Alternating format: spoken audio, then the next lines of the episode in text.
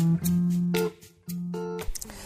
Günaydınlar, herkese merhaba. Bugün 19 Ekim Perşembe günün öne çıkan haber başlıklarına bakmak üzere Radyo 7'nin sabah programındasınız. Şimdi neler var şöyle bir bakalım. Cumhurbaşkanı Recep Tayyip Erdoğan Filistin'de çoğu çocuk ve masum sivillerden oluşan binlerce şehide duyulan saygının bir gereği olarak Türkiye'de 3 günlük milli yas ilan edildiğini bildirdi. Cumhurbaşkanı Erdoğan'ın paylaşımında milli yas ilanına ilişkin karar da yer aldı. Söz konusu karar, kararda İsrail tarafından sivil sivillere yönelik olarak gerçekleştirilen ve son olarak 17 Ekim 2023 tarihinde bir hastaneye yapılan saldırılar sonucunda hayatını kaybeden ve yaralananlardan dolayı Filistin halkının acılarını paylaşmak maksadıyla 3 gün süreyle milli yaz ilan edilmesi ve bütün yurtta ve dış temsilciliklerimizde 21 Ekim 2023 Cumartesi günü güneşin batışına kadar bayrakların yarıya çekilmesi uygun görülmüştür. Bilgilerini ve gereğini rica ederim ifadelerine yer verildi. Ee, ABD e, Başkanı Joe Biden İsrail'de çatışmaların 12. gününde Filistin Sağlık Bakanlığı İsrail'in Gazze şeridine saldırılarında can kaybının 3300'e yaralı sayısının ise 13 bine yükseldiğini açıkladı. Öte yandan İsrail'i ziyaret eden Amerikan Başkanı Joe Biden İsrail Başbakanı Benjamin Netanyahu ile ortak bir basın toplantısı düzenledi. Biden bugün burada bulunmamın basit bir nedeni var. İsrail halkı ve dünyadaki herkesin Amerika'nın nerede durduğunu bilmesi. Dışişleri Bakanı Blinken de burada. Buraya birkaç kez geldi ama ben şahsen gelmek istedim dedi. Amerikalıların İsrail'le yaz tuttuğunu belirten Biden terörist grup olarak nitelendirdiği Hamas'ın 31'i Amerikan vatandaşı olmak üzere 1300'den fazla kişiyi katlettiğini katlettiğinin belirtildiğini dile getirerek Hamas'ın aralarında çocukların da bulunduğu çok sayıda kişiyi rehin aldığını, o çocukların neler hissettiğini hayal bile edemediğini söyledi. Hastanedeki patlama nedeniyle duyduğu duyduğu üzüntüyü dile getirerek görünen kadarıyla hastaneye yapılan saldırıyı diğer taraf düzenledi. Siz yani İsrail değil ancak çok sayıda kişi emin değil diye de konuştu. Amerika Birleşmiş Milletler Güvenlik Konseyi'nde Gazze'ye insani yardım sağlanması için çatışmalara ara verme çağrısında bulunan karar tasarısını veto etti. Birleşmiş Milletler Genel Kurulu'nda Brezilya'nın İsrail-Filistin çatışmasına ilişkin sunduğu karar tasarısı oylandı. Tasarıya 12 evet, 2 çekimser ve 1 hayır oyu kullanıldı.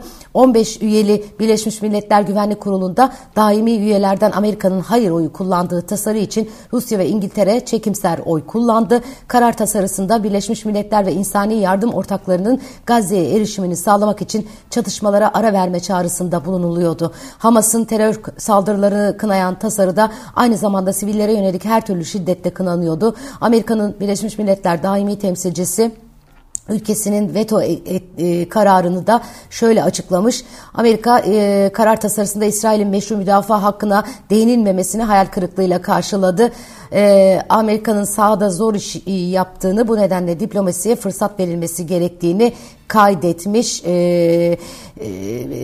Birleşmiş Milletler tarafı da. Ee, gerçekten e, dünyanın e, yaklaşımı akıl alır gibi değil.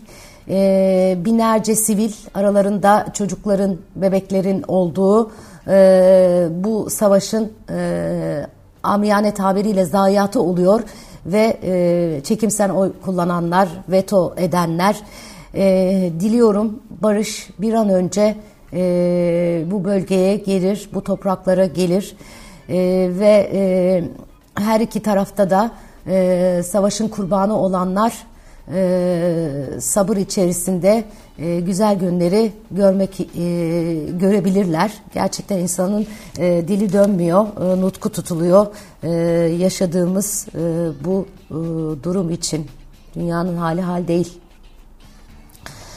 Evet neler var başka şöyle bir bakıyorum. Ee, tabii İsrail-Gazze e, çatışmaları e, her türlü manşetlerde yer alıyor.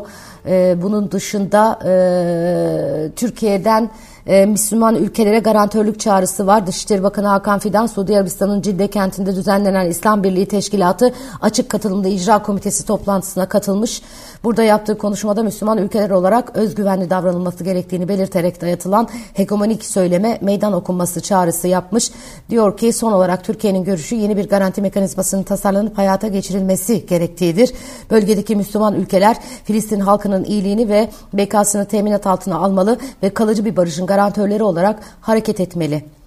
İran Dışişleri Bakanı Hüseyin Emir Abdullahiyan e, da toplantıda ee, İslam İşbirliği Teşkilatı ülke, e, üyesi ülkelerin İsrail'e petrol ambargosu ve kapsamlı yaptırımlar uygulaması çağrısında bulunmuş.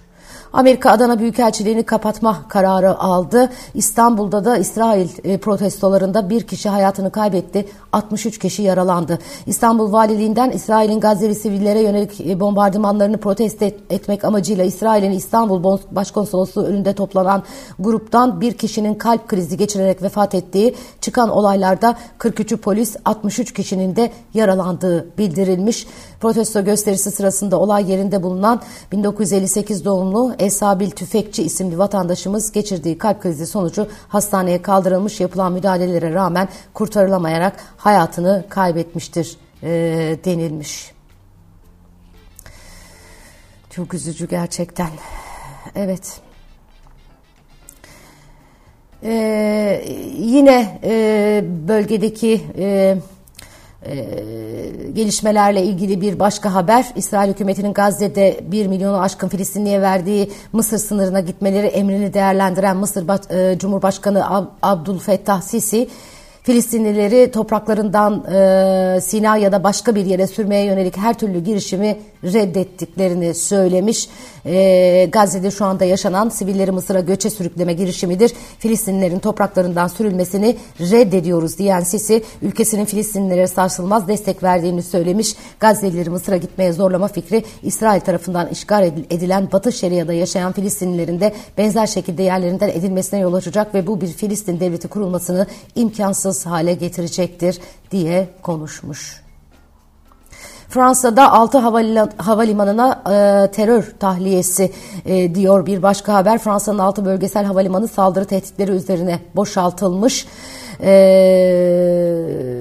ve ve e, bu havalimanları da ikinci bir emre kadar e, bu gönderide e, uçuş yapılmayacağı söyleniyor.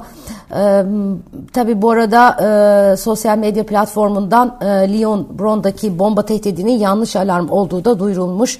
Tabii herkes e, paranoyak oldu bu dönemde.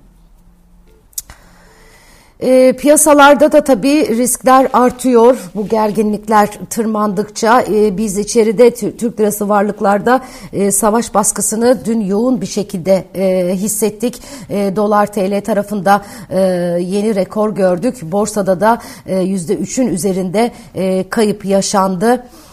Ee, Türkiye Cumhuriyet Merkez Bankası Ağustos ayında uluslararası net yatırım pozisyonunu 303,1 milyar dolar açık verdiğini duyurmuş. Yayınlanan verilere göre Ağustos ayında Türkiye'nin yurt dışı varlıkları 2022 sonuna kıyasla %1,1 azalışla 305,1 milyar dolara e, inmiş. Yükümlülükleri ise %2,6 azalışla 608,2 milyar dolar seviyesinde gerçekleşmiş.